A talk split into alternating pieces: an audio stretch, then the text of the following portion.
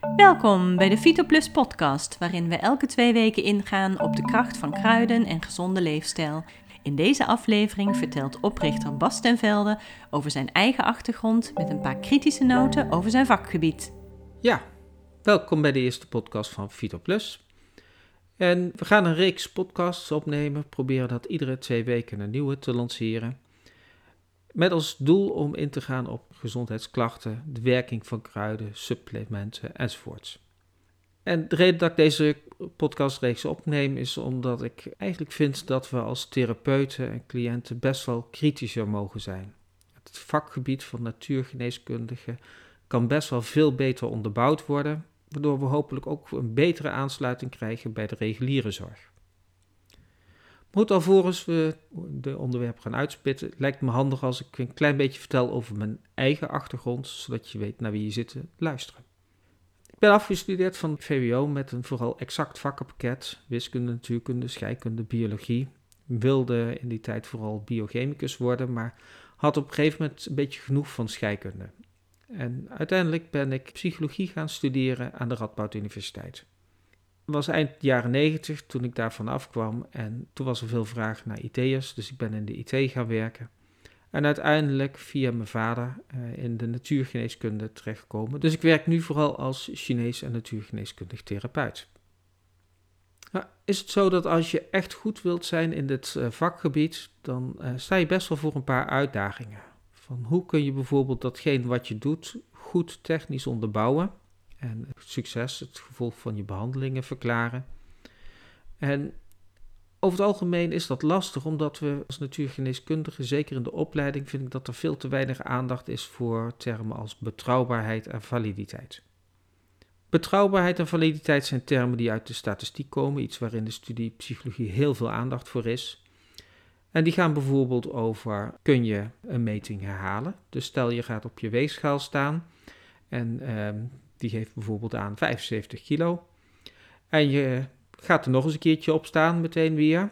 En die geeft vervolgens 72 kilo. En dan denk je van wat raar, ik ga er nog eens op staan en dan geeft hij 80 kilo aan. Dan denk ik dat je gaat twijfelen aan de kwaliteit van je weegschaal. Nou, dat geldt ook voor de diagnostiek die je als natuurgeneeskundig therapeut gebruikt. Ook daarvan wil je dat je apparatuur of de manier waarop je dingen vaststelt, dat die uh, herhaalbaar is. Dus dat vind ik graag eh, vind ik prettig. Iets anders is eh, de validiteit. Dus wat meet je nou precies? En wat zijn daar de mogelijke verklaringen of mogelijke invloeden van? Kijk, bij een bloeddrukmeting is dat niet zo lastig. Daar weet je van hoe een bloeddrukapparaat werkt. Dus ik hoop dat degenen die hem gebruiken ook weten hoe die werkt. Maar iets lastiger is dat bijvoorbeeld voor polsdiagnose of een tongdiagnose. En zeker als die bijvoorbeeld vanuit de Chinese geneeskunde uitgelegd worden. Want dan heb je het over termen als uh, qi. En uh, hoe verklaar je dat? En die Chinese geneeskunde daar, die staat wat mij betreft, zoals hier in Nederland gedoseerd wordt, eigenlijk al zo'n 75 jaar stil in het zoeken naar mogelijke verklaringen. Als je nu kijkt van wat er in uh, China gepubliceerd wordt over wat de effecten zijn van acupunctuur of kruiden, dan gaan die echt erg ver. Die gaan bijvoorbeeld kijken, die leggen iemand onder de MRI-scanner terwijl je wat naaldjes zet om te zien welke hersenprocessen beïnvloed worden. Of ze stellen een heel systeembiologisch model op waar uh, kruiden naast DNA en uh, biochemische factoren in het bloed, hoe die gezondheidsklachten kunnen beïnvloeden.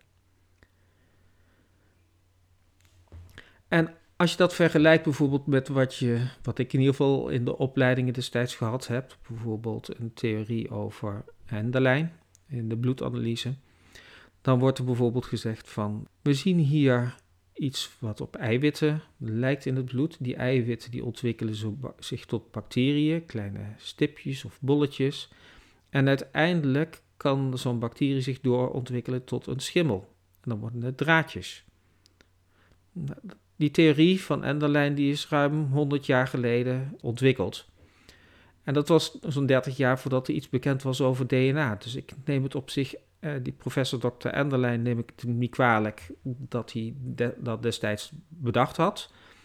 Maar als we dat nu na 100 jaar later met de kennis van DNA nog steeds blijven herhalen, dan zitten we waarschijnlijk niet echt uh, op één lijn met hoe artsen naar het bloed kijken.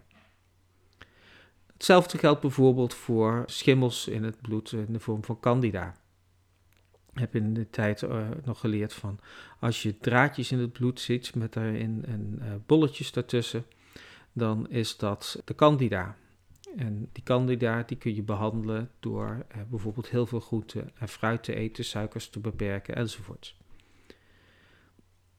Dan heb je twee problemen, denk ik. Want aan de ene kant is candida een gist. En een gist maakt geen draden, zoals een schimmel dat doet. Een gist en een schimmel zijn totaal andere levensvormen. En het andere is dat als je gaat kijken in de medische literatuur of een gist zoals candida, of die in het bloed voorkomt. Candida komt veel in bijvoorbeeld onze darmen of in de schaamstreek of in de mond voor. Maar als die in het bloed zit, dan zijn mensen over het algemeen terminaal ziek. Meestal dan hebben ze niet zo heel veel langer dan 5 tot 10 dagen nog te leven.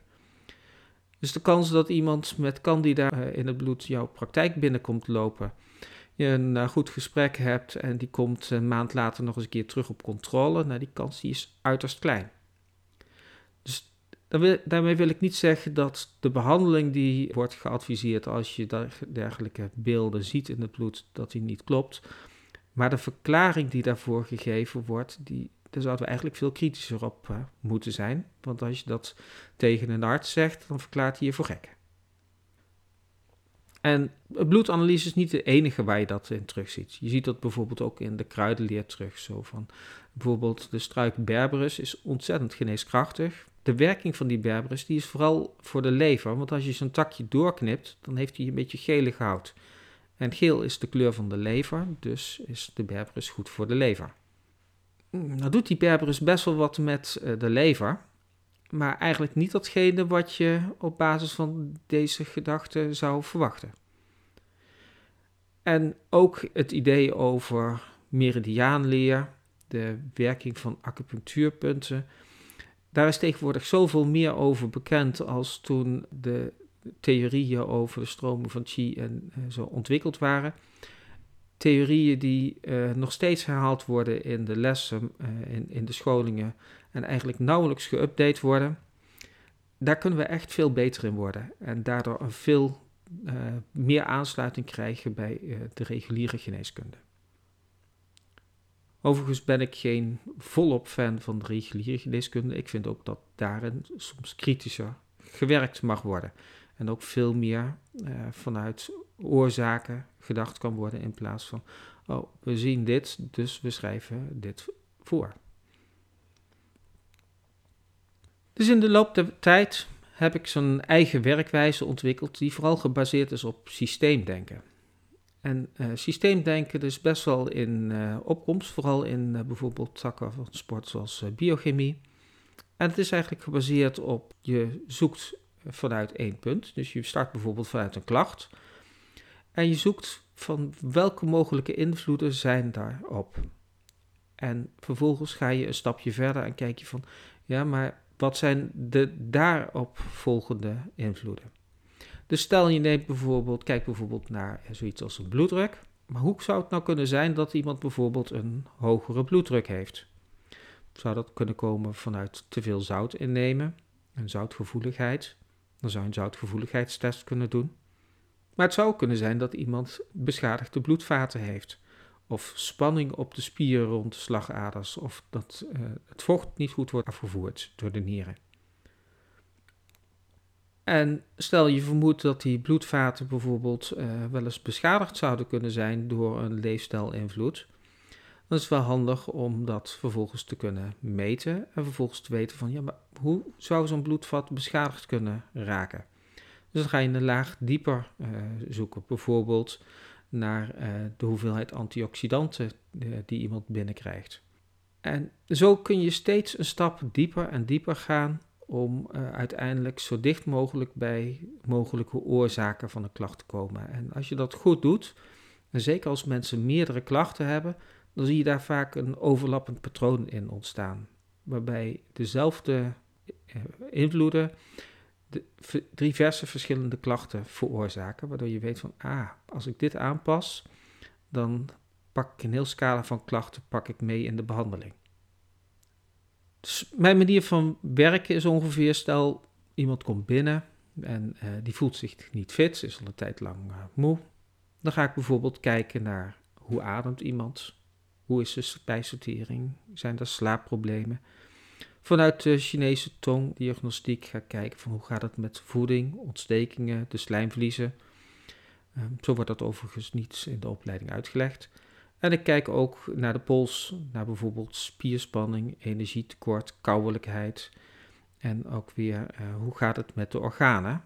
Nou zijn de, Chinese uitleg van de orgaanleer is anders als hoe we fysiek denken over organen. Dus het komt niet één op één met elkaar overeen. En zo'n diagnose, zo'n Chinese geneeskundige diagnose, geeft je een aardig beeld van wat bij iemand in zijn energiehuishouding, in spanning, ontstekingen, vertering, etc. kan spelen. Waar je bijvoorbeeld met kruidenformules op werkt. Dat vul ik graag aan met meer westerse technieken, bijvoorbeeld een speekselmeting of bekijk de bloedvaatjes onder een microscoop. Kijk naar de flexibiliteit van de bloedvaten en de bloeddruk. Bekijk een paar druppels bloed onder de microscoop om te zien hoe het met dingen gaat als uh, mineralen, vitaminetekorten, leverwaardes, ontstekingen enzovoorts. Maar vraag ook leefstijl en voeding uit. En alles bij elkaar krijg je dan daarmee ook nog een aardig beeld van hoe is het met vitamine, mineralen tekorten, antioxidanten.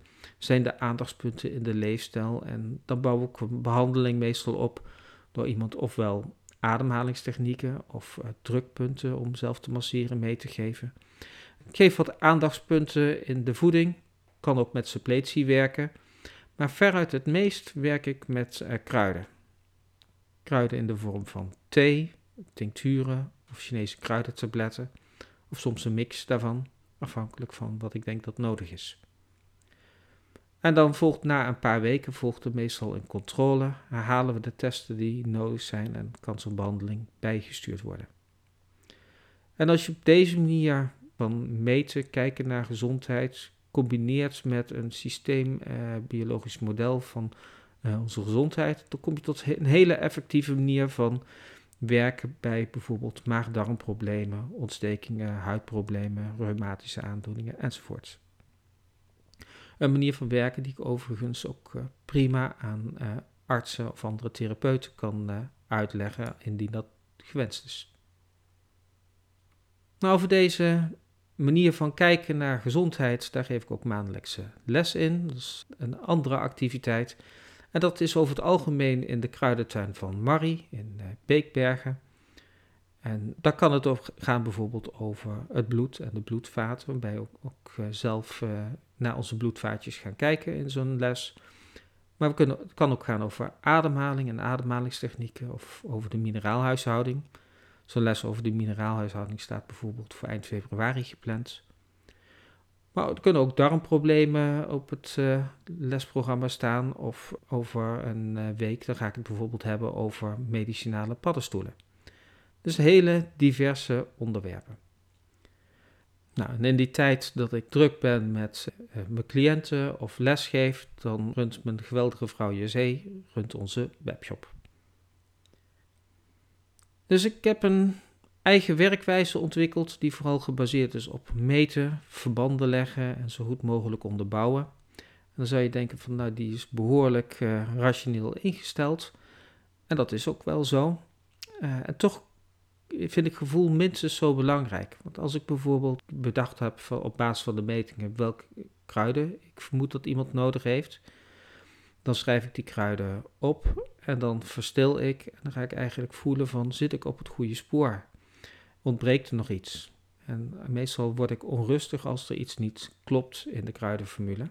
En dan komt er vaak wel een idee van, oh, dit kruid of deze kruiden horen er nog bij, of ik ben dit in mijn behandeling vergeten, een ademhalingstechniek of wat dan ook.